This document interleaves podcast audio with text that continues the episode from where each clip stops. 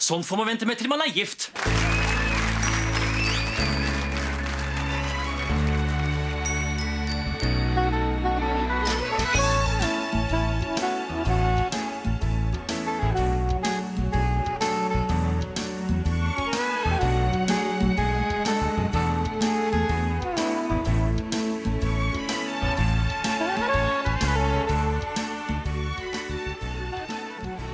Hei, velkommen til en ny episode av Norsk film filmpodkast. Podkasten hvor vi ser norsk film med et kritisk, men kjærlig blikk. Mitt navn er Emil. Jeg sitter her som alltid med. Stefan heter jeg.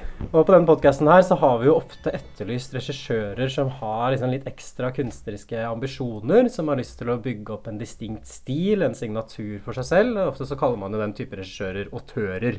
Kan du tenke på Tarantino, David Lynch, Hitchcock eh, Leon Bashir. Leon Bashir, Steven Spielberg, Martin Scorsese. Dette her er jo regissører som når filmen deres kommer, så blir de først og fremst opptatt som en ny film av denne regissøren. Mm. Ikke sant? Og Once Upon a Time in Hollywood kom ut, så er det liksom en ny Quentin Tarantino-film, først og fremst. Som jeg alltid pleier å si, du er ikke autør før du har din egen DVD-boks. Sånn som Michael Scorsese DVD-boks. Da er du en autør. Ja, men det har ikke vært så voldsomt mange autører på Norsk film filmpodkast fram til nå. Jeg vet ikke, Hva vil du trekke fram av det vi har vært innom? Vi har jo hatt Pål Slettaune, er jo kanskje en litt sånn norsk autør? Jeg vil si Pål Slettaune er en autør. Har vi hatt um, Bent Hamer har vi ikke hatt. Bent Hamer har vi ikke hatt. Vi har hatt Erik Poppe. Ja, kanskje. I noens øyne så er han kanskje en autør. I våre er han ikke det. På godt og vondt. Det, det, det føler jeg at Den autørbetegnelsen den er jo helt sånn kvalitetsnøytral, så det er nok måte at filmene har et sånt særpreg. Det trenger ikke å være noe godt særpreg, og da er kanskje Erik Poppe innafor. Men- Annen duo er jo selvfølgelig Hva med Vennerød? Ja, det er også autører. Eh, og vi kan jo si så mye som at denne personen, det er han som elsker Oslo aller mest. Nei, jeg snakker ikke om Fabian Stang eller Jo Nesbø, han som har den der fine Oslo-sangen. Men Joakim Trier. Vi har nettopp eh, sett siste del av hans Oslo-trilogi, 'Verdens verste menneske', fra 2021.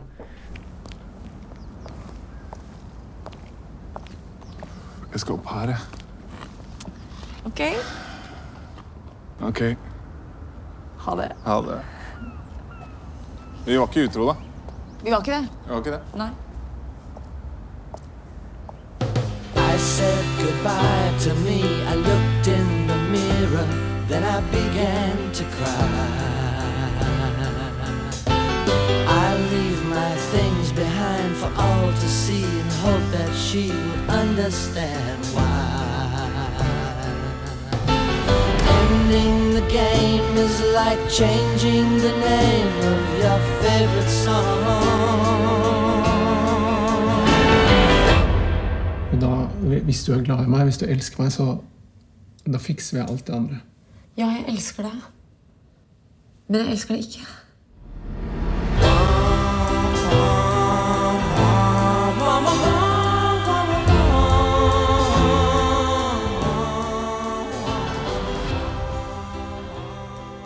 Og Joakim Trier er jo må kanskje si det at det er jo kanskje den mest vellykka norske regissøren gjennom tidene. Med tanke på hvor mye suksess han har fått i utlandet. Og nesten alle filmene hans har fått fransk distribusjon, tror jeg. Frankrike er jo den store filmnasjonen. Wow. Den filmen her ble nominert til Oscar, og ikke bare for beste fremmedspråklige, men også for beste manus. Som jeg tror kanskje er første gang i norgeshistorien at en norsk film har blitt uh, nominert for. Uh, han har jo Helt siden debuten i reprise har han jo på en måte markert seg som en regissør som jeg syns er veldig spennende å følge med på. Jeg føler kanskje det er særlig med 'Verdens verste menneske', den siste filmen hans nå, da, som virkelig tok av for Eh, Hva er forholdet ditt til Joakim Trier fra før av, Stefan? Nei, jeg så jo reprise da den kom, og har sett den flere ganger, og mener jo det liksom er en sterk film. At det der blandingen med et sånn fransk filmspråk, hvor du da greier å kombinere både humor og alvor, det liker jeg. Og så syns jeg eh, Oslo 31. august var greit, men så der, etter det der så kom det mye sånn derre Sånn godt for å være norsk. Sånn derre som jeg tenker at dette her eh, Det er eneste grunnen til at han kommer unna med dette her, er for at han bor i Norge. Louder Bombs var kanskje ikke helt store for ham. Det var Nei. en amerikansk produksjon. Det var heller du mer kinaputt, var det ikke? Det var ikke så jævlig slappe greier. Heksehyl, og så hadde du Eller gri, grisehyl, heter det. Heksehyl. Jeg har spist for mye smågodt igjen ennå. Og så hadde du jo Thelma, som var en slags sånn sjangerfilm, en grøssefilm, men som også føltes litt håndverksmessig ut fra Trier. Ja, den, eh, det var noe hjemmesnekra greier, syns jeg. Men Trier er jo kanskje en av de norske regissørene som har hatt et litt mer sånn europeisk eh, tilsnitt i stilen sin. At vi har snakka ganske mye om at norsk film går gjennom en sånn amerikaniseringsbølge på tidlig 2000-tall, og alle vender seg veldig over til det store gylne landet over dammen. Mens Joachim Trier er jo, som du sier, liksom med den franske stilen og har plassert seg mer i en sånn, da, sånn europeisk filmtradisjon. Ja, for det var det, det var det at når alle andre gikk mot, så mot USA, så så Joachim Trier mot Frankrike. Så han var, måte, var jo ensom en stund. Og nå der her Nå har det begynt å snu. Og akkurat da så kom 'Verdens verste menneske', og da fikk han liksom litt mer sånn Kanskje mer sånn allment gjennombrudd. Hvor det var en film som eh, liksom Du møtte folk, helt tilfeldige mennesker rundt omkring, og alle hadde sett den filmen eller hadde en mening om den. Og det er jo ganske sjelden, egentlig. Ja, Det ble en slags sånn publikumsmagnet, og det kan du kanskje ikke si om Louder Than Bombs eller Oslo 31. august og Reprise, som er jo filmer som har en litt sånn dystrere tematikk. Eh, 'Verdens verste menneske' er jo lansert som en eh, romantisk komedie for folk som hater romantiske komedier. Få se om vi elsker og hater denne filmen her. Uh, Rent teknisk så er jo 'Verdens verste menneske' en dansk produksjon. Oh, ja! For det er først og fremst finansiert av danske penger, dernest Frankrike, og så Norge på tredjeplass. Oi! Så, men jeg tenker jo siden, vi kan, eh, siden den er laget av en nordmann, og den er filma i Oslo med norske skuespillere, så er det kanskje greit at vi tar den likevel. Ja, og vi kan jo smykke oss med Det er jo tross alt en norsk autør som står bak. Men det er noe litt sånn ironisk også med at når, når først liksom en norsk film får litt sånn internasjonal oppmerksomhet, også sånn ordentlig internasjonal oppmerksomhet, som ikke er å plukke med seg sånn lavt hengende beste fremmedspråklig nominasjon eller litt sånn dårlige filmer. Altså 'Verdens verste menneske' er jo en film som faktisk har gjort det ganske bra internasjonalt også, som folk har sett. Og da er det en dansk produksjon. Ja, det er, jo, det er jo ironisk. Det er litt sånn som at uh, en av de beste norske filmene er jo den derre er jo 'Sult' fra 66 av uh, Henning Carlsen, dansk regissør. Men hvor alt foregår i Oslo, og det er noen danske, norske skuespillere inne. Men det er jo, i mange øyne så er det liksom en, en norsk film, men det er jo likevel en dansk regissør, og liksom Og det er kanskje det beste vi har laget. Og så er det jo Liv Ullmann, ikke sant? men hun igjen er jo mest kjent for sitt bidrag til det svenske filmmediet. Så jeg tipper at det er ganske mange som tenker på henne som en svensk skuespiller, Ja. selv om hun egentlig er norsk. Hun er til og med fra Trondheim, tenkte jeg. I hvert fall, eh, Denne filmen her er delt inn i tolv kapitler, en prolog og en epilog. Vi kan jo starte med prologen. Eh, Her blir vi kjent med Julie, som er filmens hovedperson. Hun studerer på Blindern og er en litt sånn frustrert student. Hun er fremdeles den beste i klassen, selvfølgelig, for hun er veldig flink. Men det går ikke så lett som hun skulle ønske. Og så kommer hun fram til at hun har valgt å studere medisin for å få uttelling for alle sekserne på videregående. Og da går hun selvfølgelig en helt annen vei og på en måte slår inn på en ny løpebane. For hun begynner å studere psykologi isteden. Altså, det er jo medisinens rake motsetning av profesjonsstudie i psykologi. Litt av et fall. Du må ha lave karakterer for å komme inn der, du. Ja, så, så farger hun også håret litt sånn kunstig rødfarga og klipper kort. Ah, ja, da er du virkelig en, eh, en liten rebell der. Eh, Men hun skjønner jo fort at eh, det heller ikke er noe for henne, så hun begynner på sånn fotogreier. Så hun blir fotograf. Og det kan man jo si, det er jo litt mer eh, ja, det, Har du på en måte gått litt mer inn på sånne rockete karriereveier nå, eller Ja, er det blir jo litt mer sånn kunstnerisk type. og Prologer etablerer jo karakteren hennes ganske effektivt. Hun er en flink pike. Det skal det ikke være noen som helst tvil om. Eh, Det virker som det er litt sånn viktig for filmen å overbevise henne om at ja, hun kan egentlig gå medisin når hun vil. Så det at hun velger fotografi, er ikke fordi hun ikke kommer inn på medisinstudiet. Hun starter på medisin og så går videre på foto. Som at det er liksom er viktig for seerens identifikasjon at dette her er en sånn flinkis. Som var klassens beste på Katta eller Elvebakken. Ja, det er disse her, det eh, det er de du blir litt sånn, sånn er, litt, er irriterende både å ha i klassen og møte igjen etterpå. Mm. På en måte Hvis du gjør noe, så syns de bare det er koselig. Mens de tar sånne seriøse greier som medisin og sitter der liksom og skjærer i folk og gjør sånne ting som liksom høres som høres ganske døvt ut, egentlig. Men som, hvor du må, av en eller annen grunn må ha høye karakterer. Aldri skjønt det. øh, på medisinstudiet nå så må vi vel ha sånn 5,9 eller 5,95 eller annet sånt, så kun seksere da. Men øh, men hun Julie hun er ikke bare flink, for hun er også en litt sånn rastløs, søkende type. Hun sliter litt med å finne sin egen identitet. Og prologen etablerer jo også filmens stil, vil jeg si. At man har en sånn litt sånn ironisk voiceover som går gjennom resten av filmen. Som er en voiceover som ikke tilhører noen karakter, men som er en kvinnelig fortellerstemme. Som på en måte er Ine Jansen, by the way. ja, det, det er filmens stemme, på en måte. da. Og Det som er liksom interessant med den voiceoveren, er at den ligger både tett på Julies egne tanker, samtidig som den også har et sånt gudeperspektiv. Så den skjønner liksom Julie bedre enn det hun skjønner seg selv. Ja. Så det er en litt sånn allvitende forfatter, på en måte. Et sånn type blikk, som er ganske vanlig igjen i europeisk film. Kanskje særlig som fransk nybølgefilm, men som man ikke ser så ofte i Norge, da, vil jeg si. Litt sånn Amelie fra Montmartre. Mm, ja. Dere har jo hatt både underhud, hud, muskulatur. Denne uken skal vi bare Julie var skuffet over seg selv. Dette pleide å være så lett for henne. Hun var fortsatt blant de beste på faget, men det var bare for mange forstyrrelser, for mange meldinger, oppdateringer, for mange ting i feeden, for mye som skjedde i verden hun ikke kunne gjøre noe med. Hun hadde kanskje ant det. Som en gnagende uro hun hadde fortrengt i all puggingen, druknet i digitale forstyrrelser. Det var feil. Dette var ikke henne. Hun var her bare fordi medisin var det eneste studiet der alt arbeidet på videregående hadde gitt uttelling. Hvor alle sekserne hun hadde samlet opp, faktisk betydde noe.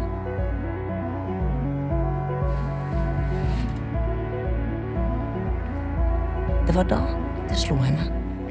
Hennes lidenskap hadde alltid vært sjelen. Tanker, ikke kroppen. kirurgi nesten er som sånn eh, veldig konkret, eller sånn nesten som en snekker. Eller Men nå Min lidenskap har jo alltid vært sånn det som skjer inni oss, eller tanker og følelser. var som et vindu hadde åpnet seg. Ikke kroppen. Herregud, hvis psykologi gjør deg lykkelig, så ja. Gjør det. Det syns jeg er skikkelig modig. Jeg klarer det ikke lenger. Jeg vil det ikke lenger. Hun gjorde det slutt. Men Han var knust, men måtte bare beundre måten hun tok styring over livet sitt på.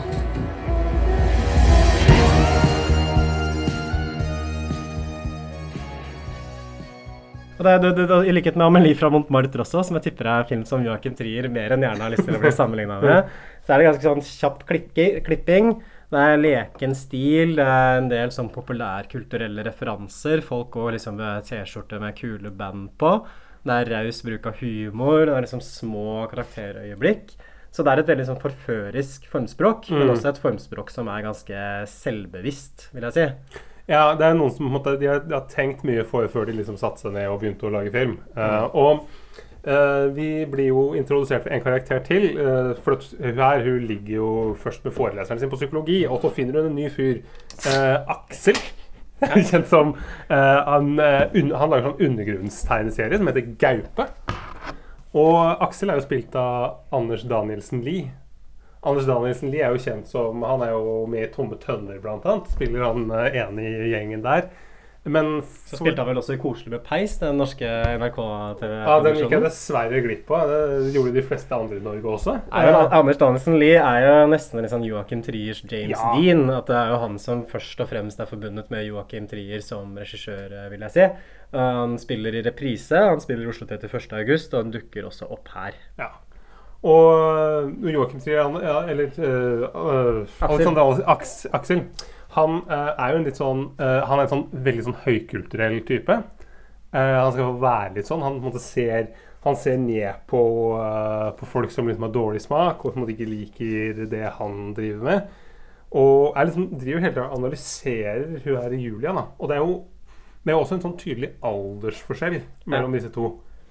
Han er en slags sånn, han er, skal jo være i begynnelsen av 40-åra, kanskje. Ja. Eh, Aksel, jeg vet ikke hvor gammel Anders Dansen vi er nå, men han er, han er liksom, ja, er sånn kul type, som de sier. Ja, aldrende Oslo-hipster. ikke sant? Vært en del av det 90-tallsmiljøet som jeg føler liksom var veldig Ja. definert Oslo som by. Mm. Den Natt og Dag-gjengen, liksom. Det er veldig sånn som jeg oppfatter han. Og um, de blir kjærester og flytter sammen, eh, Aksel og Julie. Selv om Aksel, eh, som du sa, Stefan, er redd liksom for den aldersforskjellen mellom dem. At det kommer til å skape splid på sikt. Mm. Så dette her er jo første eksempel på det som blir en ganske sånn gjennomgående greie i filmen. Nemlig at Aksel forstår både forholdet deres og egentlig også Julie selv bedre enn det hun gjør sjøl. Ja, og, han, og det er jo en gjennomgående greie her er jo at øh, han, Aksel har jo åpenbart lyst på barn. Han er jo glad i barn, han liker å omgås med barn. Uh, Julie, som på en måte er jo fortsatt ganske ung, jeg tipper at du er liksom tidlig i 20-åra fortsatt, eller midten av 20-åra, har ikke så lyst på barn. Og det her blir liksom, det kommer veldig tydelig fram i en sånn scene som er i starten her, hvor uh, Aksel og Julie er sammen med vennene til Aksel, som da alle sammen har barn, på et sånt der sommersted. Og hvor de barna driver og flyr rundt, og alle de der voksne bare snakker om Det er barn, barn, barn hele tiden. Ja. Det er deres nye hobby. Deriblant Hans Olav Brenner er en av disse vennene. Ja, Som er en sånn keitete fyr, som Hans Olav Brenner ofte er. Og spiller. Vet ikke om han er sånn privat. Vi kjenner jo ikke Hans Olav privat. Nei, han framstår veldig sånn som man forbinder Hans Olav Brenner eh, som eh, person. Ja, Hans Olav Brenner spiller vel i eh, Oslo 31. august også. Og så en veldig sånn lignende fyr, sånn etablert familiefigur, som da skal danne en kontrast til Anders da i Oslo 31. august, som han heter. En litt sånn pappa-type. Um, men her er, det, her er det i hvert fall uh, en god del sånne scener hvor, hvor det her kommer, kommer fram at de uh, de, spør, de spør henne liksom hva hun driver med, og så er det, liksom, så er det ikke, virker det ikke som at de er så veldig interessert i henne. Noen av de kvinner virker som de har litt sånn agg mot Julia og syns hun er litt sånn sånn masete type. Litt for ung og pen, kanskje? Ja, tenker jeg. For denne Aksel-figuren. Dette er liksom filmens første kapittel. Uh, en ting som jeg syns går igjen uh, i uh, Triers filmer, alle filmene jeg har sett han egentlig, er at han er veldig god på realistiske dialogscener. At han har liksom knekt en kode som Ja. norske filmskapere har slitt veldig med. Og hvordan lage dialoger som føles naturlig ut, men uten at det blir kleint eller Mm. At uh, dialogene flyter veldig godt. At replikkene er liksom skrevet på en sånn måte at du tror på at folk faktisk sier det. Mm. Det er bra spill. Skuespillerne er ganske løse og ledige generelt. Men det er en annen ting som kanskje mer dessverre igjen også går igjen i filmen hans, er at han forsøker å være veldig på liksom samtida. Så det har en middagsscene på denne hytta hvor Julie liksom sitter og snakker om at vi burde ha mer fokus på kvinners menstruasjon i offentligheten. For det er så mye fokus liksom på mannlige sykdommer som ereksjonssvikt og tidlig ejakulasjon. Hvis menn hadde hatt mensen, så hadde vi ikke hørt om annet. Er ikke det et oppbrukt poeng? Er ja, det- er liksom sånn standup fra tidlig 2000-tall, tenker jeg, som Linn Skåber sikkert pleide å harselere med. eh. Anne-Kat. Hærland har sikkert hatt den før. Den Og så begynner han andre fyren liksom å snakke om sånn womansplaining og liksom ja, det, det, Hele det derre womansplaining, mansplaining-greiene, det var jo ganske datert allerede da filmen kom ut i 2021. Og det blir noe litt sånn der flaut over dette her, at det minner meg litt om sånn dårlig standup. På, på det verste. Jeg får inntrykk av at, liksom at filmen driver og blunker til meg hele tiden. Sånn, ja, du har fått med dette her med mansplaining. Ja. Vi henger med i tiden, vi. Hørt om det. Men filmen sier liksom ingenting interessant om disse populærkulturelle fenomenene som tar opp. Så det, vi har liksom plukket opp, ah, nå har det vært mye fokus på kvinnehelse, så da trenger vi en dialogscene om det. Men det gjør ikke noe, det utvikler ikke den tematikken noe lenger. Nei, for det, eh, det er nettopp det. Og så virker det som at, eh, hele, at filmen prøver å, å, å framstille dette her som et, liksom et originalt poeng. At på en måte, dette her er det er ikke bare sånn på en måte, har du fått med deg dette her, men dette her er liksom Dette var bra sagt. Smart. Lurt. Lurt uh, Julia liksom å komme med, komme med noe sånt. Det har jeg ikke tenkt på før. Jeg vet ikke om det stemmer. Du, Portnoy, nå Ja, ja. roer vi ned litt. Grann. Nei, det er jo interessant. Det er jo, eh, altså, jeg, jeg føler at jeg har en fullstendig oversikt over hva alle menn sliter med. Eh, ereksjonsproblemer og morrabrød og fascinasjon for unge piker og eh, tidlig ejakulasjon. Bra jobba, Aksel. Nei da, men alle bøker og filmer handler om det. Men hvor er eh, kvinners menstruasjon og ejakulasjon og kåtskap? Det er det ingen som snakker om. Ja, hvor er den? Kan ikke du fortelle? Saftige detaljer. Nei, det er jo ikke det som er poenget. Det burde vært greit å snakke om her. Mm. Men eh, altså, hvis menn hadde hatt mensen, da Vi hadde ikke hørt om annet. Jo, men kan du, kan du womansplaine det, det litt bedre? Hva, hva tenker du på? Ja, men sånn i man, mansplainer-versjonen. Hva da? Det er liksom mansplaining eh, Ja, det er da en 45 år gammel mann forklare litt yngre pike hvordan ting henger sammen.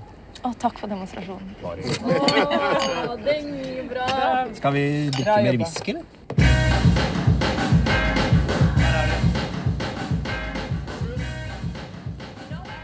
Nei, jeg tror, nok, Oi, jeg, jeg tror nok, dessverre dette kommer til å datere filmen litt. Da, når man skal se den om sånn 20-30-40 år fram i tid, som jeg tror kanskje er intensjonen også til Trier og resten av gjengen.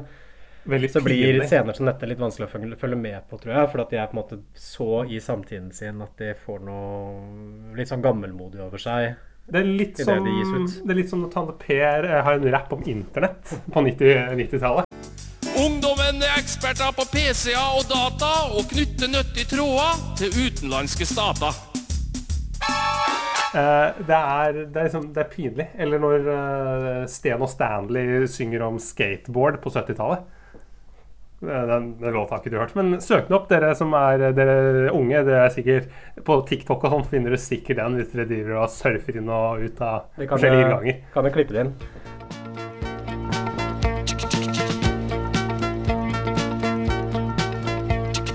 När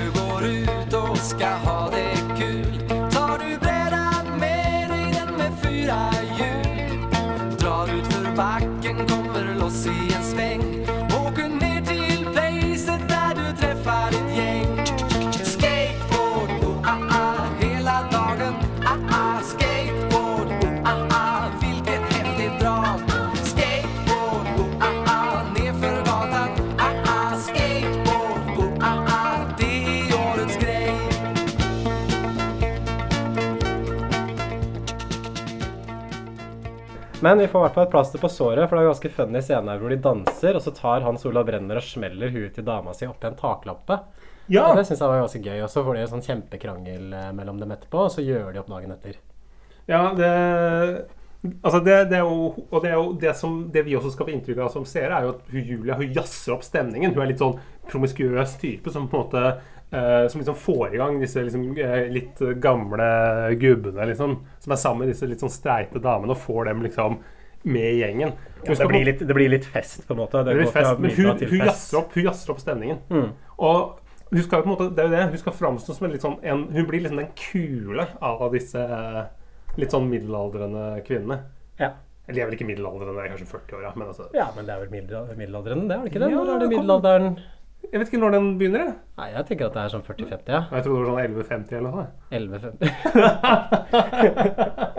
Kapittel 2 heter i hvert fall Utroskap, og her starter det med en lanseringsfest for det nye tegneserieheftet til Aksel.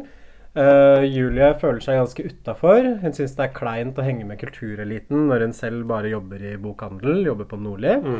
Eh, det er tydelig liksom at hun lever veldig i Aksel sin skygge, og at forholdet deres blir veldig definert av han. Så dette her tenker jeg Joachim Triers forsøk på å forstå hvordan de har følt seg, alle de 20 år gamle damene som han har hatt med seg på premierefester opp igjennom. Tror du ikke det? Han har vel vært i denne situasjonen her en del ganger, tror jeg, men bare da som Aksel, da, ikke som Julie. Og så har han med seg et eller annet øh, vedheng eller trofé. Altså, dama han har på armen. Ja. liksom. Her er uh, Hils på Reidun! Som jobber på bokhandel eller studerer eh, litteraturvitenskap. eller kunsthistorie eller et eller annet. Men det eh, utvikler seg i hvert fall slik da, at Julie stikker tidlig etter hun føler seg utafor. Og på hjemveien istedenfor å dra rett hjem, så sniker hun seg inn på et bryllup hvor hun ikke kjenner noen. Og der inne så møter hun Eivind, som er spilt av Herbert Nordrum. Eh, Nordrum kjenner vi jo godt fra rollen som Carl i Pornopung. Hva syns du om eh, Nordrum i den filmen her? Um, jeg syns Nordrum uh, er bra, jeg, altså. Jeg også liker han. Mye eh, Han viser jo at han hel, har liksom et ganske sånn variert register. At han liksom, og han, det er en helt annen rolle enn i Pornopung. Mens i Pornopung så er han en sånn der kjekkas, smukas uh, sjekkekonge. Her så er han liksom, virker han som sånn verdens hyggeligste kjæreste. Sånn på en måte sånn eh, Folk som, sånne, som bare sier at 'jeg vil bare finne meg en snill fyr'. Det, er- det er han, ja. ja. Ah, fy faen, så grei han er. Ryddig, litt sånn lite nevrotisk type. Ja. Og- Egentlig så, på en måte litt sånn Aksels rake motsetning, da. Ja. Og, ja, og lite, veldig lite friksjon og litt sånn uh, komplikasjoner med han her. Og samtidig egentlig sånn eh, humor og virker litt morsom. Ja. Så de, de finner jo tone med hverandre, Julie og Eivind, men de er likevel opptatt av at de ikke skal være utro med hverandre, selv om de er veldig åpenbart har lyst til det.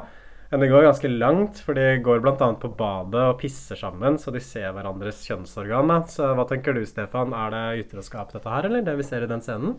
Nei. Du syns ikke det? Nei, jeg synes ikke det. Å kle av deg foran en annen person. Jeg har det moro ute på fest og tatt seg noen pils for mye og sånn. Det må jo være Nei, jeg syns at det går over en grense når man viser liksom kjønnsorganet Jeg hadde tenkt at hvis jeg hadde vist penisen min til, Til en meg, dame som jeg? Nei, mens det er en dame som jeg visste var seksuelt interessert i meg, og som jeg også er seksuelt interessert i, da Ja. Men hvis hun var seksuelt interessert i deg, og du ikke seksuelt interessert i henne, hadde det vært greit da? Å stå og tisse foran henne? Nei, jeg mener fortsatt at det går over en strek, altså. Ja. Ja. Nei, jeg syns det, det er et sånt, et, et sånt grenseland. Det er Mhm. litt sånn det er mellom de der grensegjerdene et eller annet sted. Ja, men hva med ville du tolerert i ditt eget forhold? Dette kan du kanskje klippe bort hvis det blir for personlig? Eh, det kommer jo an på med hvem, og, og sannsynlig så hadde jeg aldri fått vite det uansett. Ja, hvis det var med meg, da, din medhost i må vi skrur av opptaket, det slaskete her. Å, fy faen! Hva var det Kjell Bjarne-parodien din? Nei, men eh, det er, det er en gråsone, helt klart. Og, og man skjønner at dette her kommer til å komme tilbake igjen. Her får man eh, også et av filmens litt sånn ikoniske øyeblikk. At jeg husker at den var på en del filmplakater og sånn da filmen kom ut. Og det er et bilde av Julie som står og blåser sigarettrøyk inn i munnen på Eivind. I Ja. slow motion. Og så kjører kameraet litt sånn sakte inn på dem. Dette er også en ting som skiller verdens verste menneske fra nesten all annen norsk film. Mm. For det virker som at verdens verste menneske er sånn opptatt av å lage visuelt minneverdige øyeblikk sånn som dette. Som kanskje ikke har noen sånn umiddelbar plottfunksjon, men som bare putter inn der for at det skal liksom publikum se og bli sånn wow og få litt sånn gåsehud. At det skal bare være sterkt, rent visuelt. Ja, det, og det er jo det som er fascinerende med Trier. Og det er jo motsetning til veldig mange andre filmskapere, så bruker han jo filmmediet. Han kan det til fingerspissen. Han bruker fordelene med å lage film. Med å la, gjøre litt sånne ting som det der. Som Mm. bare er uh, fine scener hvor han tar litt sånn slow-mo og liksom gjør Og bruker kameraføring. Og, men det, det er det er, noe- det er noe over filmhåndverk, det her. Ja, det handler ikke bare om å skyte en dialogscene og få greit sånn, skuespill. kamera, kamera B, Ja. kamera A. eh, og tar vi bilde av nærbilde av fjeset hans, og tar vi nærbilde av fjeset hennes, og så er det, tar vi et oversiktsbilde, og der klipper vi, og så er det ferdig. Mm. Sånn som man ofte gjør i norsk film. Nei, Han er opptatt av å bruke filmen som en sånn stemningsbygger, på en måte, mm. og så klare å formidle også noe med filmens stil i seg selv. ikke sant? Så stilen i filmen er noe, i tillegg til å bare være et sånt verktøy for å levere en historie, eller for å etablere noen karakterer, eller for å selge billetter, som de fleste norske filmskaperne er mest opptatt av, virker det som. Og det, det som skjer nå, er jo det som uh, vi alle hadde regna med. Det er jo at uh, Nei, det er en del før vi er kommer det? dit. Kapittel tre. Har skrevet opp kapittel på kapittel her, så vi er kun på tredje av tolv, og så er det en epilog òg. Og det er det oralsex i metoo's tidsalder. Ja, hvor en jule. Julie skriver et slags sånn kåseri som begynner Kåseri, ja. Det er stort om dagen, er det ikke? Ja, men det er jo, det er jo et slags kåseri det hun skriver. Eller det skal vel være en slags sånn kronikk eller et essay som handler om kan man være feminist hvis man liker å bli knulla i munnen? ikke sant? Hvordan forener man på en måte de seksuelle fantasiene sine med det å være feminist? En venninne fortalte nylig at hun hadde hatt sex med en mann som dyttet lemmet sitt inn og ut av munnen hennes mens han holdt hodet hennes fast. Hun tilsto så at hun var fullstendig forvirret fordi hun hadde nytt det. Det hadde tent henne skikkelig. Kan man være feminist og likevel nyte å bli knullet i munnen? spurte hun meg. De fleste kvinner jeg kjenner, har et ambivalent forhold til å utføre oralsex. Enten bare fordi de syns det er kjedelig, det blir et skuespill der man later som om man liker det, men i virkeligheten rumpa de med en patetisk forventning om at du skal tenne på det. Jeg liker at den er slapp. Da er det jeg som skaper stivheten, snarere enn å få den dyttet på meg som noe jeg skal avvikle. Men men der datt jeg litt av lasset, det der at det var, at det var såpass avansert. Jeg tenkte bare det var litt sånn avans en sånn slags sånn sex- sexnovelle eller noe sånt. Ja, men igjen, fordi man får ikke inntrykk av hva Julie faktisk mener om dette her, og det er litt sånn interessant, for man ser Ja. bare at hun skriver dette essayet, og så hører man de første linjene. Mm. Og så man hører liksom at essayet på en måte har den tematikken som det har, at det Mm. handler om hvordan får man til oralsex i metoo's tidsalder, men istedenfor å konkludere med noe, Mm. og faktisk komme med et argument, så blir det på en måte bare nevnt. Skjønner du hva jeg mener? Ja. Igjen litt sånn som med det der mansplaining-greiene, så filmen nevner metoo, men den sier ikke noe om det. Bortsett fra å liksom nikke til ja, metoo, det er en ting i samtida. Det har endra ting. Men og det det kan gjøre sex litt komplisert. Men det er jo typisk sånn film at det, den, den mener ingenting. Det er jo det, det du, du lager ikke noe mening. Men og dette her er litt sånn todelt, syns jeg. For at, eh, det at man da lar være å vise den novellen, det kan jo være bra. men det fordi ofte når du ser sånne typiske filmer sant, hvor det er noen som er kunstner, eller er altså f.eks. fotograf eller poet, og så skal vi høre de diktene i filmen, da tenker vi sånn Og dette skal liksom være en stor poet, f.eks., og så er det sånne klisjédikt, og så skjønner vi da at dette er jo ikke noe bra. Men likevel så skal du liksom spille stor poet i filmen. Eller du er stor maler, men du maler liksom noe som ser ut som at det er tante Ruth på 65 som liksom går litt på friundervisning av det er hun som har malt det. At, at, at man da ved å ikke vise det, at man på en måte da kan gjøre det større enn det det er. Ja. Istedenfor at man går i den fella av at vi på en måte får høre det, og så tenker vi sånn Hva er dette for noe? Dette var ikke noe imponerende. Ideelt sett så burde man jo klare å skrive et eller annet som virker litt imponerende på seeren, men jeg er jo enig at det kan jo være vanskelig. Men jeg lurer litt på hva som er poenget med å ha med hele det essayet i det hele tatt. Fordi filmen nevner jo litt Jo. sånn utover, men det kommer aldri noe ut av det. Og også hvis det er liksom filmer som handler om at folk skriver eller tar bilder, eller noe sånt, så er det ofte en sånn viktig tematikk sånn hva er forholdet mellom kunst og privatliv? Mm. Og det er det jo ingenting av her. At hun sitter og skriver de tingene, men det får ikke noen innvirkning på plottet. Nei, nei, men, men poenget, poenget, funksjonen må jo være det at uh, nå, gjør, nå lager hun noe som kreativt, noe kunstnerisk. Nå på en måte gjør hun et eller annet som på en måte er synlig. Som liksom Så hun driver og løsriver seg litt fra Ja. Aksel, kanskje? Løsriver seg fra Ask- Aks- Aksel. og, um, og det at det er noe hun vil få anerkjennelse for. For dette dras jo opp igjen og igjen. Sånn, har du lest den teksten? Uh, Julias tekst, den var fantastisk, sier Aksel til vennene. Den burde du lese. Ja, det er vel til familien neste scene, men etter det så blir det ikke noe nevnt noe mer. Nei, nei, men, men poenget er vel nettopp det at hun løsriver seg, men også at, på en måte at uh, nå lager hun noe, men det blir ikke like mye verdsatt som Gaupe som det som Aksel driver med. Ja, Altså, så kan det jo også være mer sånn prosaisk motivert at det bare handler om at filmen har lyst til å gi henne et karaktertrekk.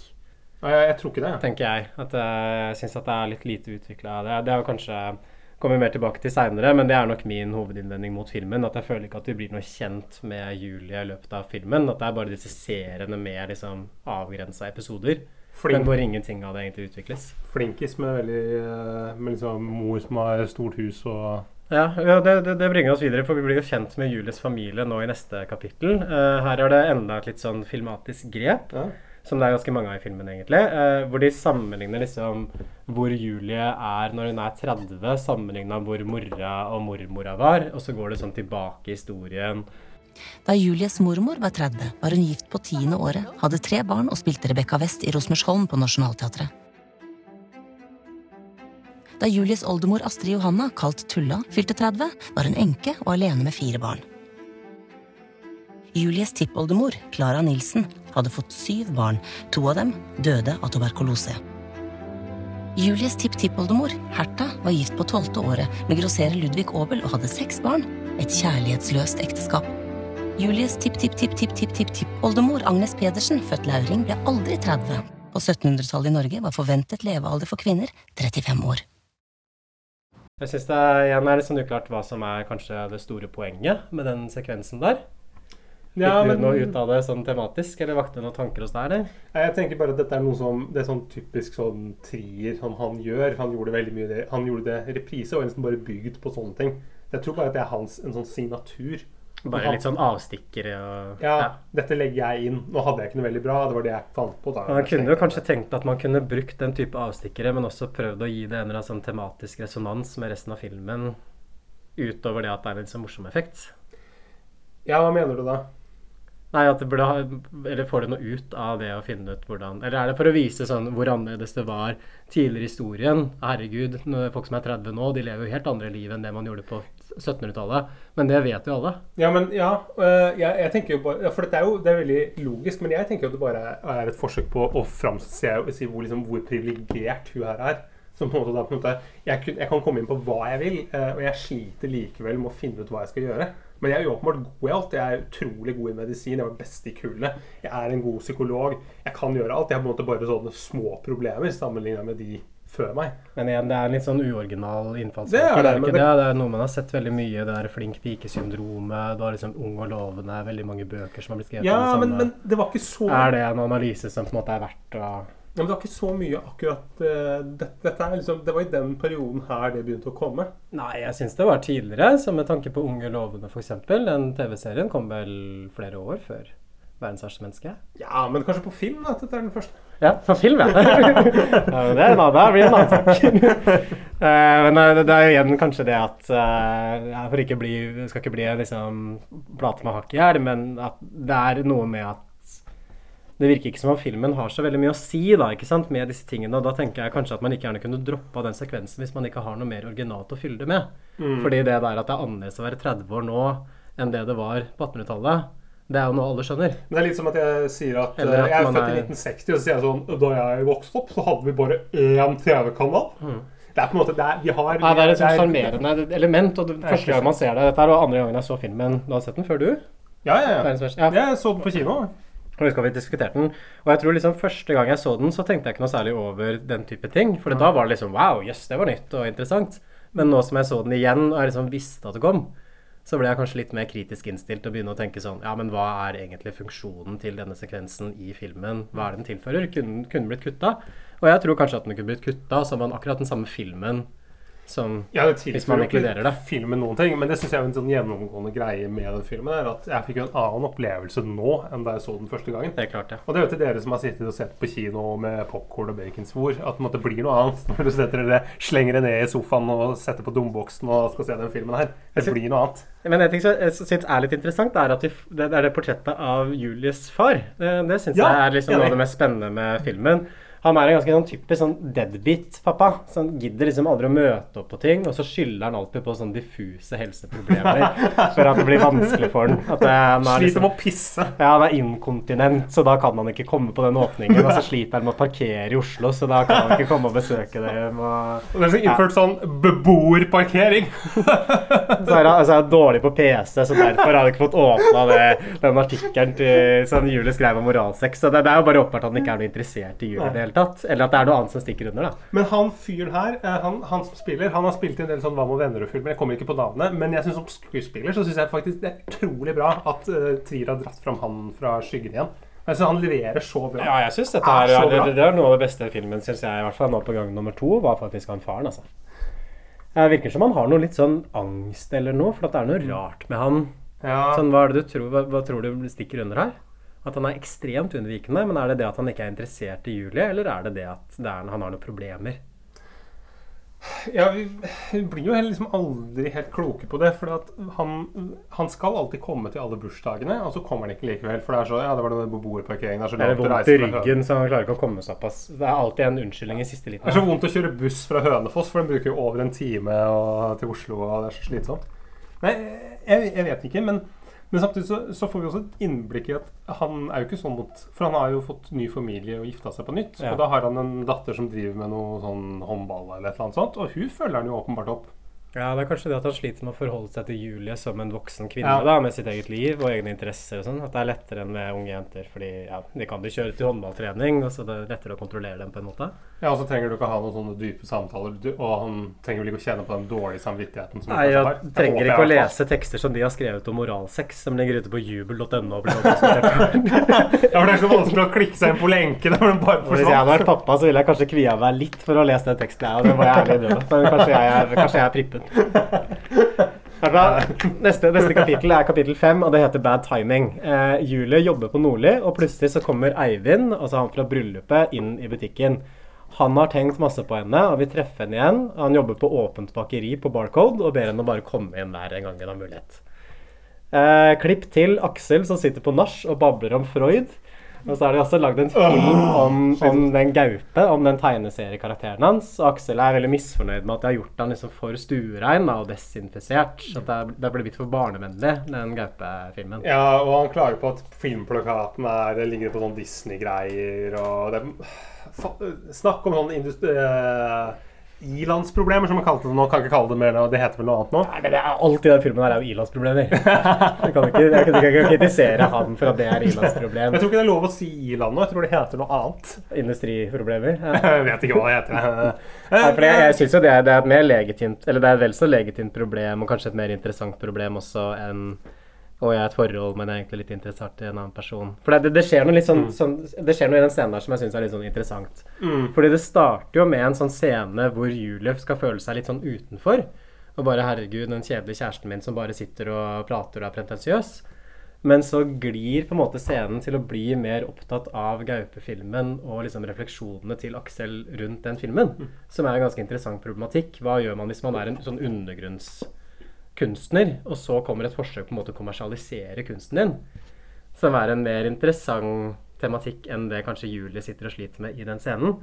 Så jeg syns liksom at Scenen handler om at hun er utenfor i den sosiale situasjonen. Men hun blir også skvist litt ut av filmen, føler jeg, før hun kommer inn igjen på slutten av scenen. Jeg vet ikke om du oppfatta det på samme måte som det jeg gjorde? Fordi Jo. kameraet slutter nesten, det klippes nesten ikke til henne. Det blir bare en samtale mellom Aksel og Hans Olav Brenner som frem og tilbake, og så glemmer man nesten at Julie er til stede i det hele tatt. Men tror du ikke det er litt det som er greit? Joakim Joachim Trier tenker at nå må jeg ha en kvinne i hovedrollen, for nå har jeg laget så mye sånn mannegreier. Og så vil han jo egentlig bare lage en liksom sånn eh, Alexander Danielsen Lie-film. Anders. Anders Danielsen Lie-film. Og Aksel heter karakteren. Ja, Aksel. Faen. Kan de ikke kalle noe annet? Kan de ikke kalle noen Bjarne eller noe sånt isteden? Philip het han vel i?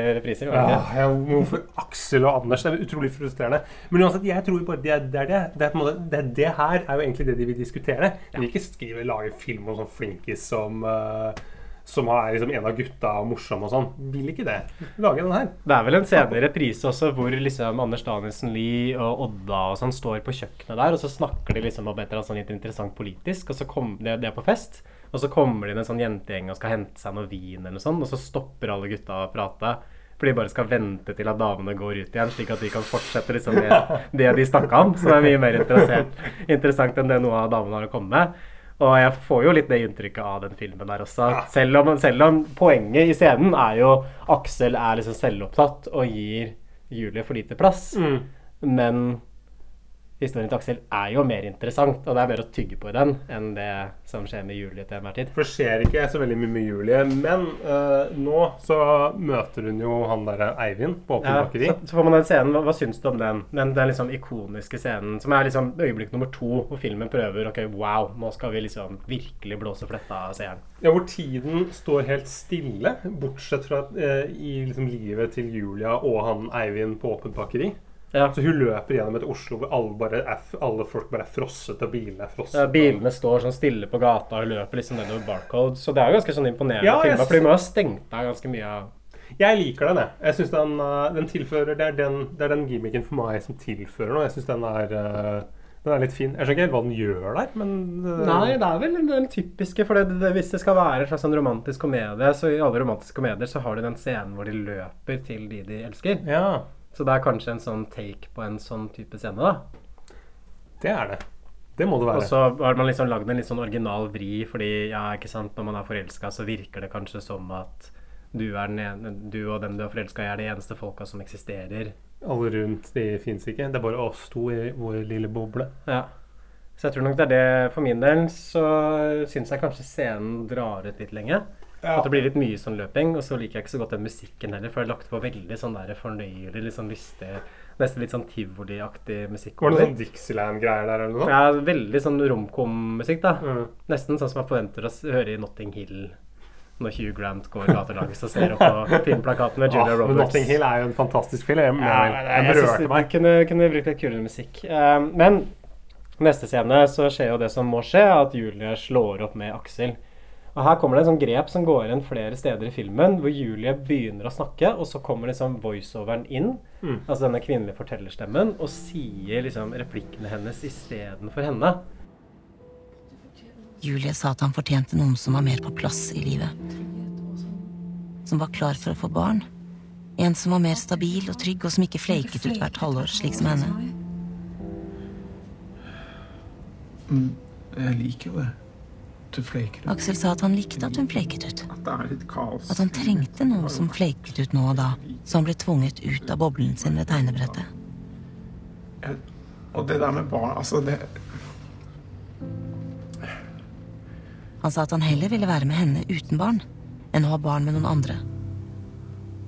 Men det er jo ikke bare det det handler om. Du vet jo det. Hva er det det handler om? Det handler om hele livssituasjonen, ikke bare det. Ja, ok, men jeg, jeg skjønner at du er i en krise nå. Så filmens stemme tar på en måte erstatter hennes. Um, hva tenker du om det grepet, Stefan? Altså, han har jo brukt akkurat det samme i reprise. Altså Men ikke det at det går over dialogen på den måten, tror jeg. Å ja. At det er noen som sitter og snakker, og så kommer voiceoveren din, Ja. og så bare tones dialogen ned. Jeg, jeg, jeg har litt sånn inntrykk av at det der er en sånn måte å bare uh, å, å prøve å gjøre det litt mer alternativt og kunstnerisk. og Liksom, at, at, at Istedenfor å si det. At det blir med en gang litt mer interessant når du får den der Ja, det er, det er litt sånn fikst. Ja, Mm. men Og det er et grep som påkaller mye oppmerksomhet i seg selv. Mm. Men det, og det tilfører jo kanskje en litt sånn ironisk distanse til scenen også, fordi den voiceover-stemmen er litt sånn ironisk. Ja, og det, er, og det er jo en klisjé, dette her med noen som skal slå opp, og det er ikke deg, det er meg. eh. Ja, men jeg bare syns det er litt sånn rart, fordi dette er jo på en måte en sånn ganske dramatisk scene, Mm. egentlig. For det er jo brudd liksom i en av filmens kjernerelasjoner. Og da velger man på en måte istedenfor å la skuespillerne snakke, så kommer denne voiceoveren inn. Mm. Og så blir seeren sittende og tenke på det grepet istedenfor kanskje det som skjer mellom karakterene. Hvis du forstår? Ja, Så filmen tar litt sånn over. Se på meg. Se hva slags filmtriks jeg kan diske opp med, istedenfor at man lever seg så mye inn i dialogen. For jeg blir tatt litt sånn ut av det og begynner å tenke ok, hva er poenget med dette her?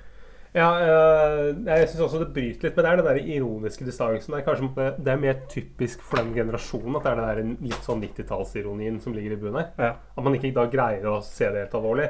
Jeg synes jo, Men jeg merker at jeg, reflekterte ikke så mye over det, for at den scenen som kommer etterpå, det bruddet, den er jo ganske vond. Den er veldig god. Det er en av de beste scenene i hele filmen, syns jeg. Fordi den går liksom gjennom alle de fasene liksom, i et sånt brudd, men på en ganske sånn komprimert måte. Mm. Så først er liksom Aksel som ikke vil akseptere det. Og prøver å manipulere Ja. henne til å uh, Snakke henne ut av det. Bare Ja. 'Dette mener du ikke egentlig'. Du er liksom sur på faren din, så du tar det utover meg. Faen, for en dårlig unnskyldning. Det var en dårlig unnskyldning. Og Det er veldig typisk for liksom dynamikken deres, og som er grunnen til at hun slår opp også. At han hele tiden skal fortelle henne hvordan hun egentlig føler og tenker, og Mm. hva hun bør gjøre. da. Um, og så går det liksom over til sorg, og så blir de sinte, og så blir det en sånn forsoning. Så jeg syns det virka ganske sånn troverdig. Nå er det jo selvfølgelig aldri skjedd meg at noen damer har slått opp med meg.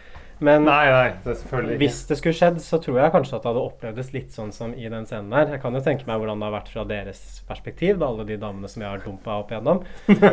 De ligger vel strødd bortover veien her, gjør de ikke det? ja, ja, ja. Så, nei, men fra spøk til alvor. At det er et eller annet med hvordan den klarer å lykkes liksom, med å gå gjennom alle disse stadiene da, ikke sant? og Mm. vise spennene som kan eksistere i en sånn relasjon. Og, ja, og skuespillere selvfølgelig da, til Anders Dansen Lie, også hun Renate Reinsve, som vi ikke har snakket om, om ennå, men som vant uh, beste skuespillerinne i Cannes. Fortjent, får man si. Hva syns du? Ja, jeg syns hun gjør en god rolle. Ja, hun gjør en god jobb. Eh, og det er, men det er jo gjennomgående en, en greie her. Eh, det som skjer nå etter denne vonde scenen her, da kommer vi Da er vi liksom Da ser vi vel at de flytter sammen. Jo, men før det så får vi en Ja. liten sånn eh, latterliggjøring av eh, eksdama til Eivind. Altså hun som Julie skviser ut. Fordi en eksdama hun har en sånn kvasireligiøs opplevelse med, med et reinsdyr, og så liksom oppdager hun at hun er sånn 3% same. Og blir veldig opptatt av miljøsaken, og liksom særlig fra et sånt urfolkperspektiv, da. Eivind fortalte det til andre som en morsom historie. Men for henne hadde det rørt ved noe dypere. Det var noe som hadde blitt vekket i henne. Hun googlet familienavnet. Navnet til farfaren som kom enda lenger nordfra. Men det var DNA-testen hun sendte til et amerikansk nettsted, som gjorde henne sikker.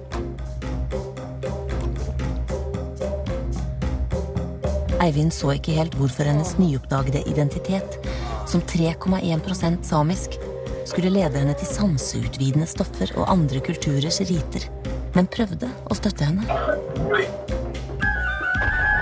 Miljøengasjementet vokste i takt med forståelsen av hvor utsatt verdens urfolk var for klimaendringene.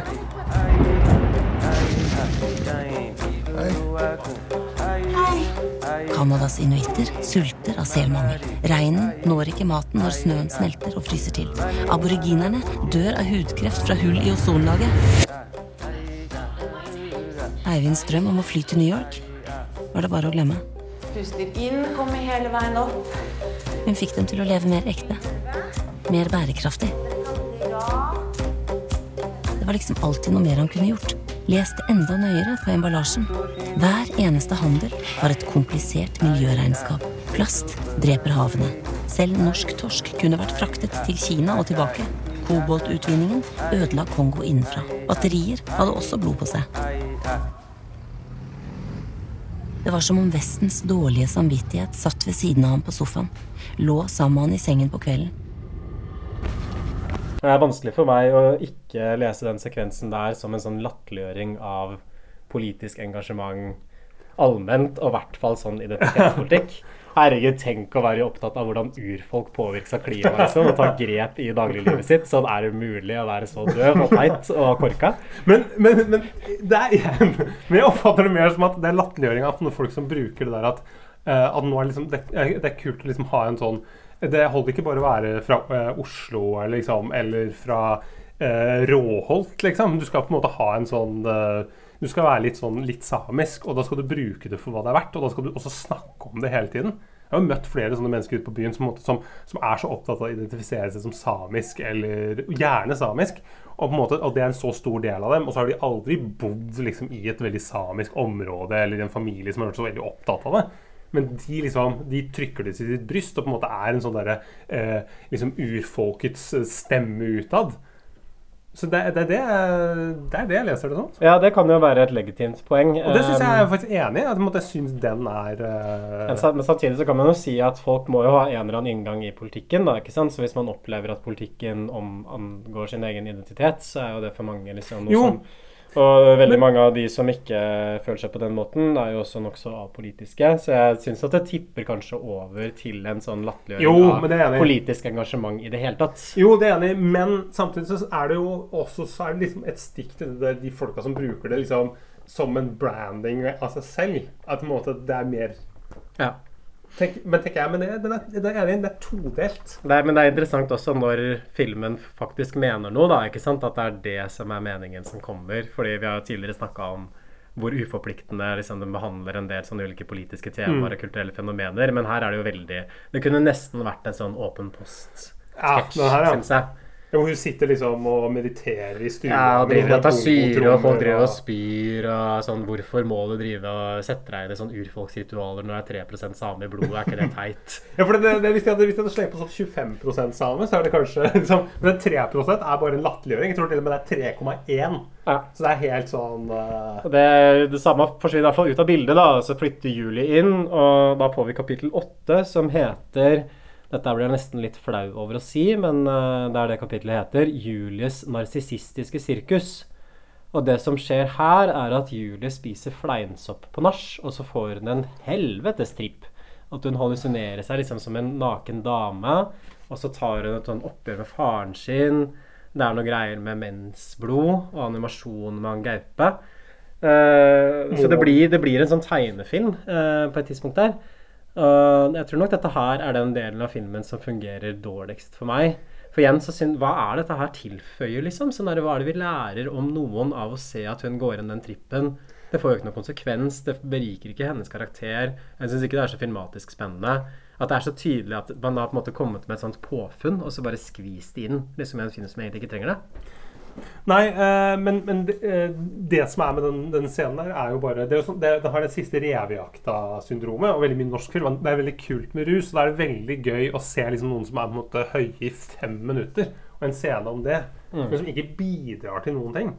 Men Uh, og her vil jeg jo spore av, for det, det som det jeg også reagerer på, og det er noe uh, Joachim Trier er jo i norsk setting kanskje en av de liksom mest sånn han, han må leve i en sånn fantasiverden. Fordi eh, disse to her flytter sammen. Det er da Åpent bakeri-fyren og hun som jobber på Nordli. Likevel så har de råd til en sånn trekvadrats le- eller treroms leilighet midt på Tøyen. Disse er liksom under 30 begge to. Hvordan har de råd til så fin leilighet?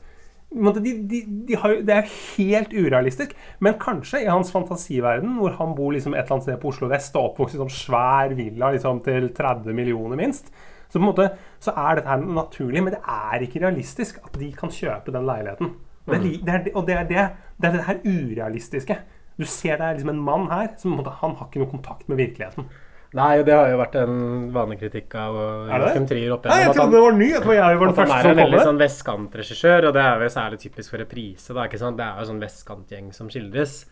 Men igjen, det er kanskje et problem når han forsøker å skildre mer sånn vanlige folk. da, Sånn som Eivind skal jo Mm. være en sånn mann i gata, jobbe på bakeri, har ikke noe særlige ambisjoner. Dette blir jo et problem også for Julie seinere i filmen, at han er så lite ambisiøs. Og da er det jo klart at det er urealistisk eh, at han har den leiligheten som han har. Så Ja, det er et eller annet med mm, som Jeg skjønner jo Det er ikke sånn stort problem for meg, men jeg skjønner at man kan få litt sånn opp i halsen at liksom alt er så veldig blenda hvitt og privilegert Mm. og middelklasseaktig på en ganske sånn ureflektert måte. Og det har ikke, og det har ikke bare det er liksom, du, kan, eh, du, kan, ja, bo på, du kan ha samme setting hvis du, om du bor på Oslo øst eller Oslo vest. Det trenger ikke alltid ha så veldig mye å si, men det er på en måte, det er åpenbart en som er oppvokst i et, liksom, et miljø som er veldig eh, ensretta. Liksom, og Helt, helt klart. Eh, Det er et, et kultureliteblikk på virkeligheten. helt klart. Men, men, og det, det kan man jo kanskje eh, si er en litt sånn svakhet for ham også. For jeg har jo inntrykk av at Joakim Trier har ganske høye ambisjoner for seg sjøl som regissør. Mm. At jeg tror nok han i hvert fall sikter opp mot liksom de store europeiske regissørene, sånn som Lars von Trier eller Michael Hanneke, Mm. Claire Denis, Dardenne-brødrene. At målet hans er å vinne gullpallen etter hvert. eh, målet er langt unna. Joakim, selv om du har gjort en god jobb. Måtte Men, men, men, men det, det jeg skulle si, da, er, det, er, det, er en, det er- en svakhet da, på en måte, at man er så enøyd opptatt av et bestemt sosialt miljø, og at man sliter kanskje litt hvis man skal gå utover det miljøet og skildre andre typer Mm. liv.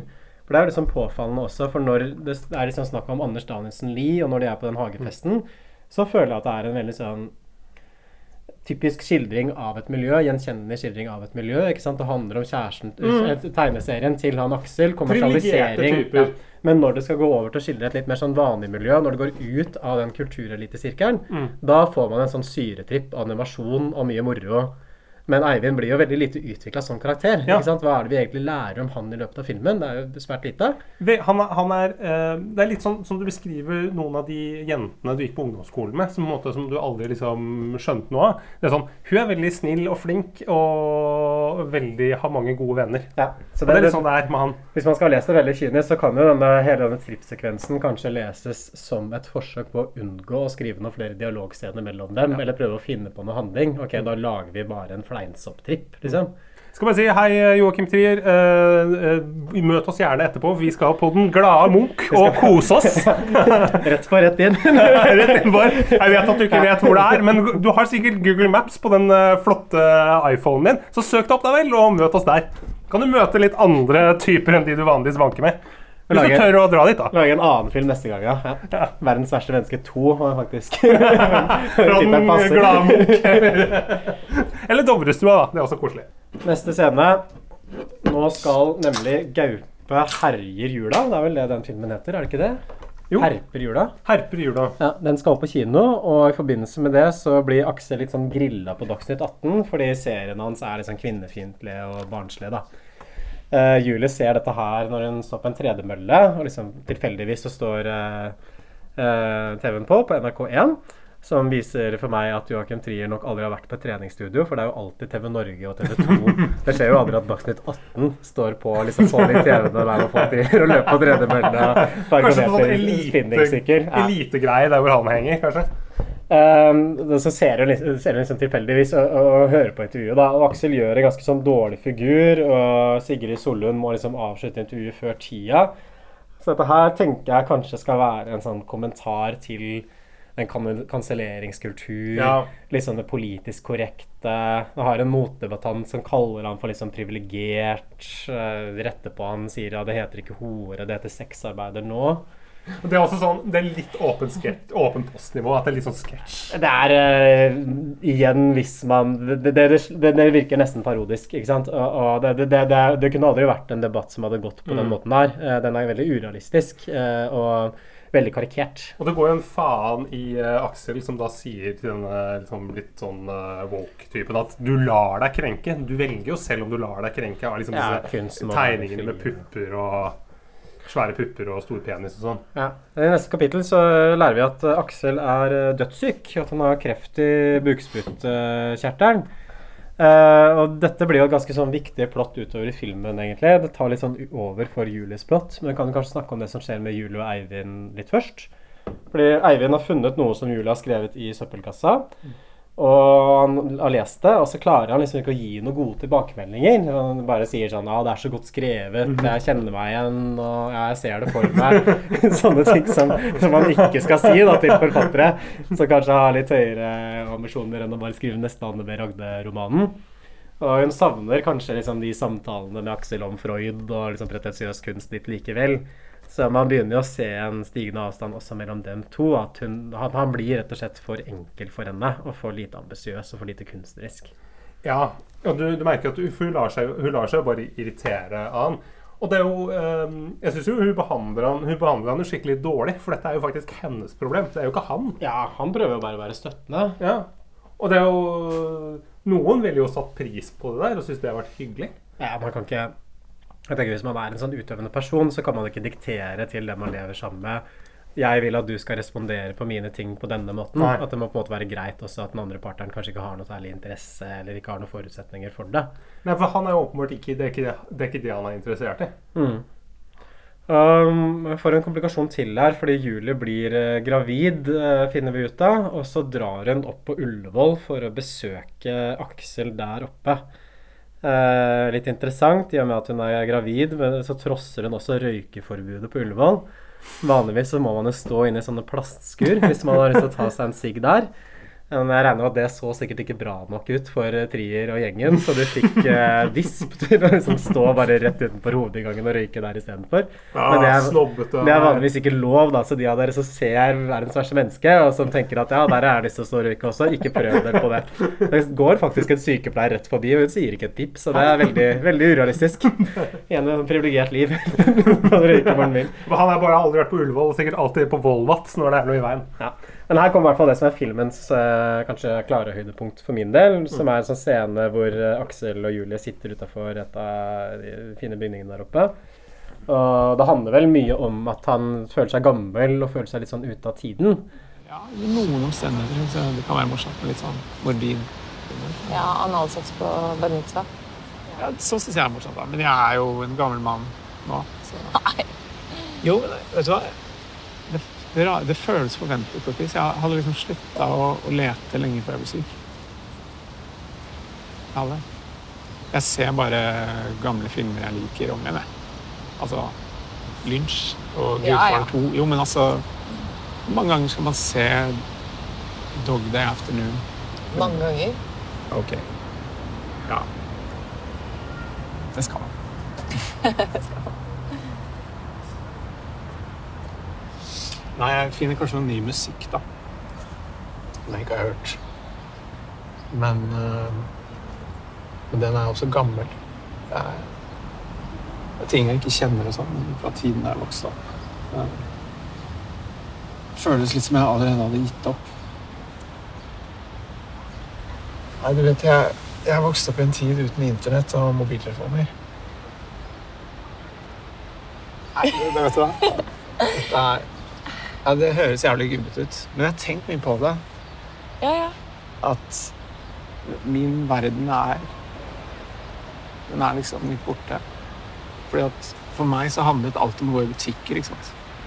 Gå i platebutikker og ta trikken til Voices på Løkka. Bla gjennom noen brukte serier på Pretty Price. Så jeg, jeg kan fortsatt lukke øynene og se på hele videoen på meg i Oslo. samme måte. jeg, liksom, jeg vokste opp med kulturobjekter som, som var fysiske. Jeg ble interessert i dem fordi vi kunne omgi oss med dem. Altså, vi, vi kunne plukke dem opp og holde dem i hånden. Liksom vurdere dem. Ja, litt som bøker, da. Ja, litt som bøker. Nei, jeg vet ikke. Det er, det er det jeg har. Det er det, det er det jeg har brukt livet mitt på. Samle på alle disse opplevelsene. Enten det er album eller bøker eller Det Det har jeg bare fortsatt med, selv om det er ganske lenge siden jeg ga meg sånn skikkelig sterke opplevelser. Er tidlig i 20-årene, liksom. Han har vokst opp i en tid med butikker og platesjapper og tegneserier og fysiske ting, og nå er alt digitalt. Kjenner jeg meg litt igjen Eh, ja, altså det er sånn verden som har blitt litt sånn borte, da.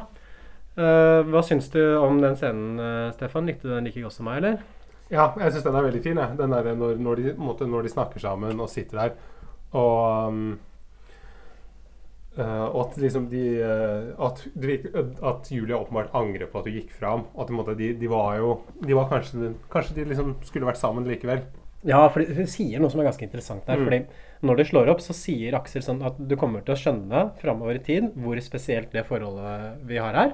At det er ingen som snakker med hverandre på den måten som vi får til å gjøre. Og jeg har vært sammen med masse andre og vet det her. Du har ikke vært Ja. sammen med så mange, så du har Du tar det for gitt. Og filmen gir jo på en måte Aksel litt rett Mm. i dette her. Og også det at hun nå blir gravid og kanskje har lyst til å beholde barnet.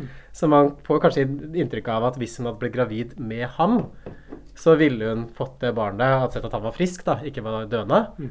Og det er litt sånn typisk også, fordi jeg syns jo blikket til filmen ligger jo mye tettere på Aksel enn på Ja. Julie selv. For det er ofte liksom de tingene som Aksel sier, liksom hans analyser, selv om han sier det på en ganske dårlig måte, og at det er liksom veldig arrogant.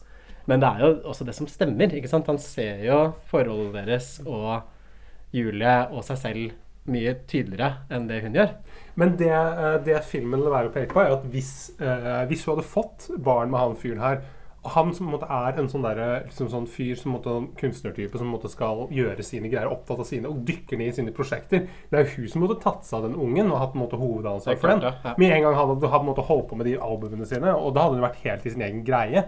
Og da er det hun som måtte tatt det ansvaret. Men det, det problematiserer jo ikke filmen. Nei, eller man får kanskje jeg skal ikke være stygg, da, men man får nesten ideen om at filmen tenker at ja ja, men sånn, det er nå greit. Ikke Ja, sant? er Hvis det greit. Hun en person ikke som har et prosjekt, hun har jo ingenting, så hun er jo fornøyd med å jobbe på Nordli. Ja, jeg synes det er kan ta litt bilder på Hun tar seg ekstra perm, liksom, så Aksel kan jobbe med tegneserier. Og For han er jo tross alt han, han, Den tegneserien er jo noe alle vil ha. Det er det, det, er det folk vil ha. Ja, det er også interessant, fordi Aksel kåler jo det at Julie kommer til å gjøre det slutt med Eivind før hun veit det sjøl, og det viser seg å stemme. Hun gjør det slutt med Eivind rett etterpå. Ja, og, og- Grunnen til at Julie slår, slår opp Max i utgangspunktet, er jo at hun føler seg litt som en birolle i sitt eget liv. Mm. At han reduserer henne til en birolle. Og da er det litt sånn ironisk, for jeg føler at det er også det verdens verste menneske ender opp med å gjøre.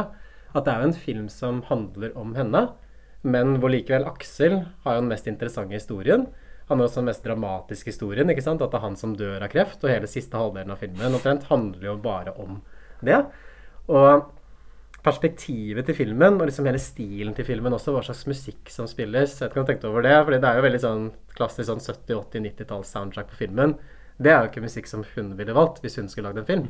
Det er jo musikk som Aksel ville valgt. Hvis han, fordi Aksel er egentlig Joakim Trier. Dette er Aksels film!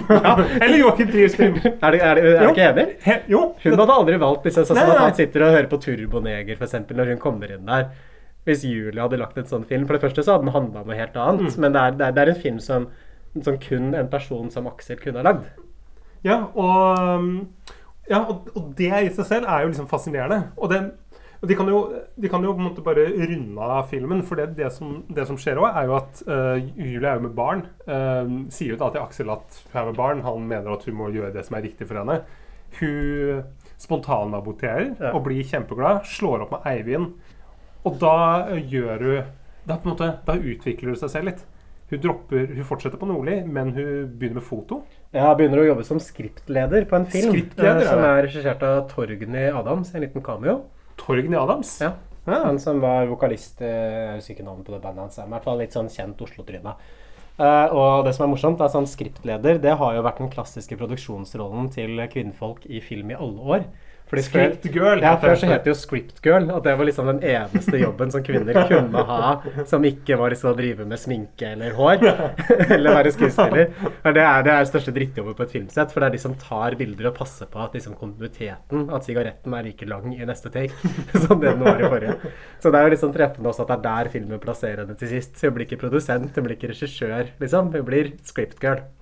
Men eller er, er poenget at du, skal, at du skal jobbe seg oppover? At du måtte ofre masse, og så skal du på en måte kanskje, kanskje bli skrittsjef en dag, da? Ja, men man får jo ikke noe inntrykk at hun har noen særlige ambisjoner. Og det, det tenker jeg også liksom med filmens blikk. La meg spørre deg om det, da, Stefan. Du når, du, når du setter en film eh, som varer over to timer, om en person, om Julia, Hvordan ville du beskrevet Julia som en person? Eh, eh, skoleflink. Eh, litt sånn, irrit, sånn irriterende flink også i diskusjoner. At du måtte komme med det der mens-greiene og sånn, som er sånn uh, veldig sånn woke og innafor. Utrolig lite originalpoeng. Og uh, også ganske veld, veldig selvsentrert. Veldig opptatt av på en måte at de mennene, liksom, eller de hun er sammen med rundt henne, liksom skal gjøre henne til laks. At det, måte veldig, det er veldig uh, Det er feil med han ene. Er at Han setter henne i skyggen. Jeg skjønner at det er noe dritt. Feil med han andre er at han er for lite. Han, han gir henne ikke nok. Uh, så Og jeg vil jo si at det virker jo som meg, på meg som at, det, at Julie er verdens verste menneske. Ja, fordi Det er i hvert fall det filmen prøver å si, da. Men poenget mitt er at jeg syns at alle de tingene som du sier nå, er jo ting som man strengt tatt lærer i løpet av liksom prologen i filmen. Ja, ja, ja. De første fem minuttene. Trenger ikke hele filmen. Så jeg syns jo ikke filmen klarer å liksom bygge opp henne som en interessant og flerdimensjonal karakter. Og det var jo en vanlig kritikk mot uh, de første filmene til Joachim Trier, var at han var så dårlig på damer, uh, og at filmene hadde et veldig sånn mannlig blikk på kvinner. Og det syns jeg også gjelder liksom for uh, verdens verste menneske også. Fordi filmens blikk på henne er veldig sånn Det er veldig sånn fra utsiden, da. At det har et sånn sympatisk blikk. Men det er også et sånt betatt blikk. Sånn fascinert blikk. Men som ikke ser henne innenfra, men veldig fra utsiden. Mm. Og da særlig også fra liksom Kanskje spesielt Aksels perspektiv, da. Og ja eh, Det er liksom et eller annet med Det er litt sånn tvetydig. Det fikk jo, dette er jo ikke noe nytt poeng. Dette ble jo skrevet om også da filmen hadde premiere i 2021. Med hvordan det ikke ender opp med å handle om jul i det hele tatt. Men, men det, det syns jeg det, det er sånn liksom noe interessant. Fordi den tittelen også, 'Verdens verste menneske', hvordan tolker du den? Hvem er verdens verste menneske her? Er det henne? Og i så fall hvorfor? For jeg, jeg skjønner ikke hvorfor filmen heter det den gjør.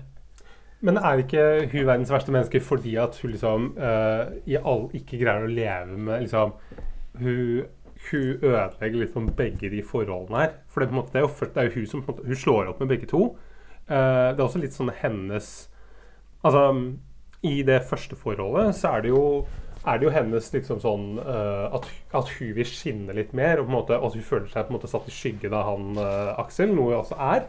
At det er liksom Men at det er utfordringen for henne? det, det, det, det blir jo veldig dømmende, fordi filmen har jo et Man skal jo ha en sympatisk innstilling til henne og tenke at hun gjør det riktig, skal man ikke det? Sånn, det kan jo ikke være sånn at filmen mener Jo. at hun er verdens verste menneske for hun føyer seg ikke nok etter partnerne sine. Altså, det er ekstremt reaksjonært.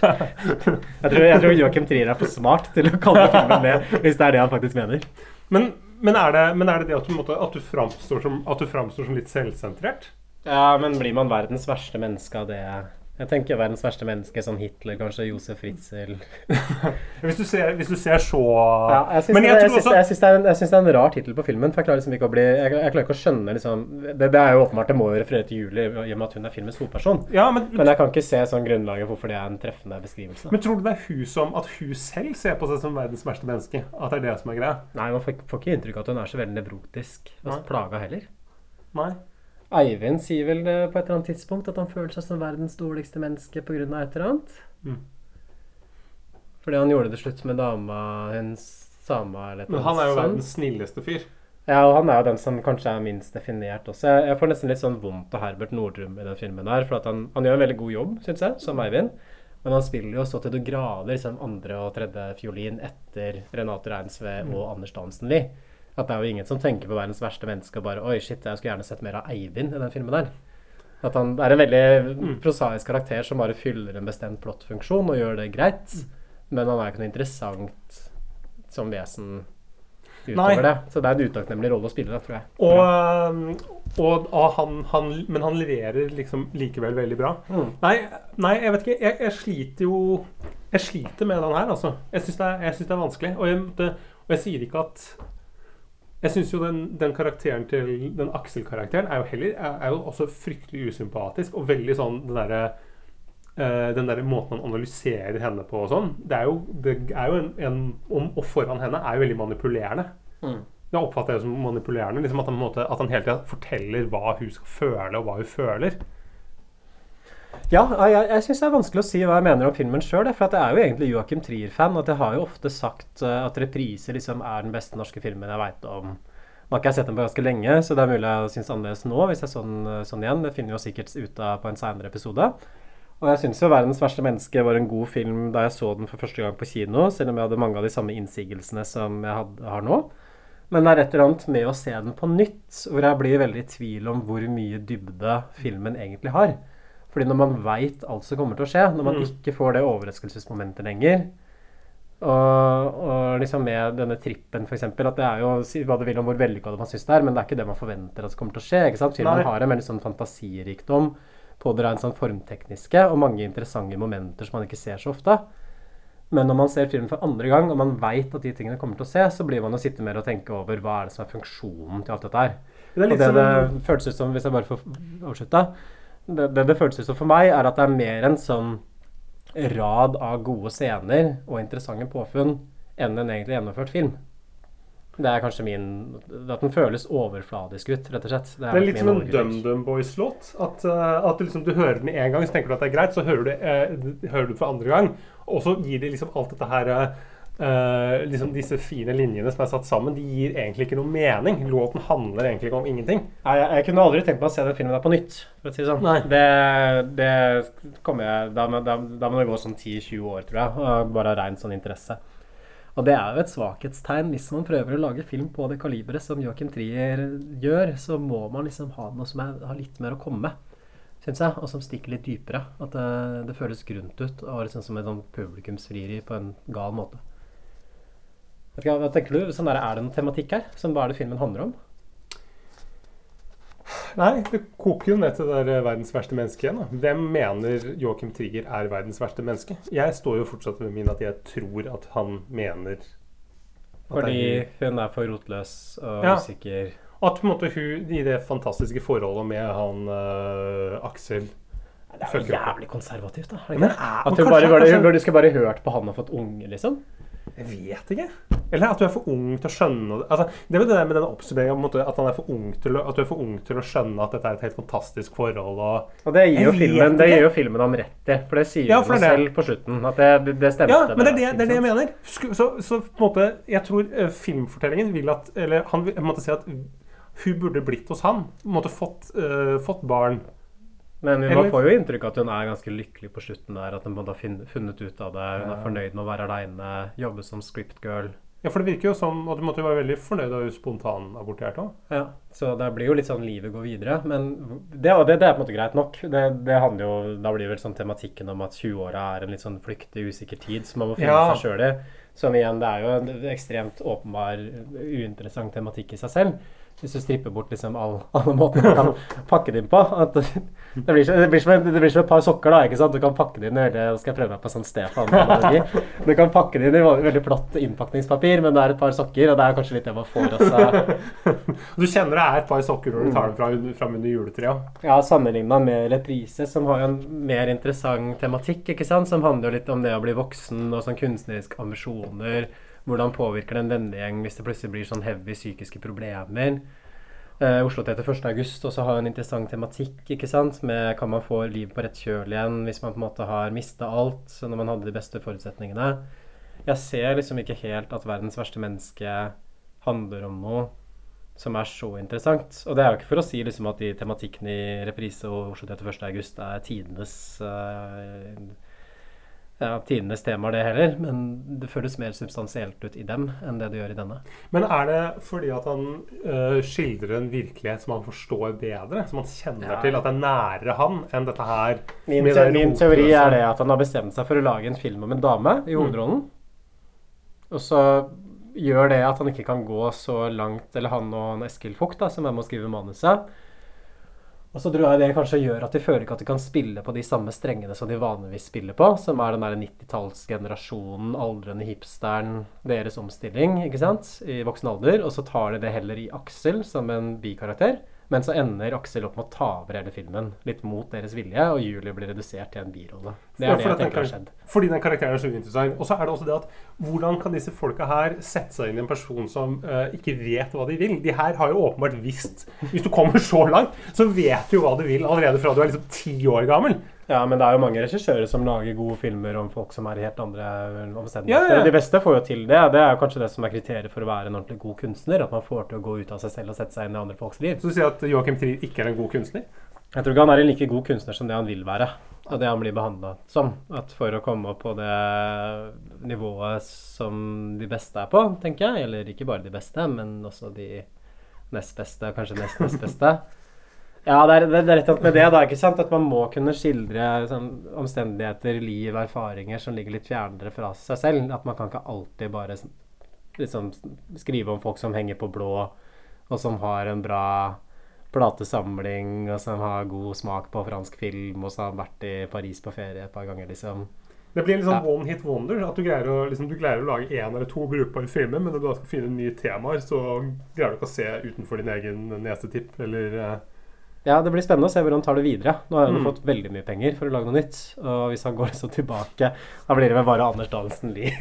Reprise to eller et eller annet sånt. Men nei, vi får se. Men eh, jeg er ikke helt overbevist. Jeg syns også det er påfallende at Louder Than Bombs og Thelma, som er de filmene hvor han prøver å gå liksom utenfor sin komfortsone, og så er det klart minst vellykka filmene i hans filmografi. Ja, det òg. Nei, men um, ja. Har du mer å si, eller skal vi eh, Nei, jeg tror vi er klare for å sette terningkast, men jeg vet faen meg ikke hva jeg skal gi, altså. Jeg har en todelt her. Jeg har som norsk film, og som film. Ja, det her er jo en todeling som vi ikke skal ha, Stefan. Vi anerkjenner jo ikke den todelingen der. Vi gjør ikke det. Eller gjør vi det? Den er sånn god til å være norsk. Ja. Nei, men eh, hvis, gjøre, hvis jeg, jeg gjør det den, den ene gangen, så legger jeg ned veto, litt sånn som Norge kan gjøre når de er med i EØS. Eh, og jeg sier uh, at som norsk film Terningkast fem. Men som film fire. Ja, jeg tenker at hvis jeg skal vurdere det som Jeg vurderer det bare som film, ja, da, så vurderer jeg kanskje også litt sånn ekstra strengt, for det er en film som hadde premiere på Cannes, og som også enkelte jeg tror Vanity Fair kåra vel det til den beste filmen av det året. Oi! Så dette er å sparke oppover, og i så fall så vil jeg sette den på en treer. Helt, uh, helt forståelig. Eh, bare aller til slutt eh, til deg, Joakim, for du kommer til å sitte og høre på. Eh, må bare, vi må bare si unnskyld. For å ikke Vi vet det at vi også er privilegerte. Vi har høy utdanning. Ikke like privilegerte som han. Nei, men vi er privilegerte. Og det er nettopp det. vi er ikke like privilegerte som deg. Men vi er privilegerte. Var det unnskyldningen din? Unnskyld for at du ikke er privilegert. Ja, det er sånn det er. Han skal jo unnskylde seg for at han ikke er privilegert nok i dagens Du er mye mer privilegert enn oss, Joakim. Bare så du vet det. Ja, så unnskyld for det. Ja. Vi mener jo det.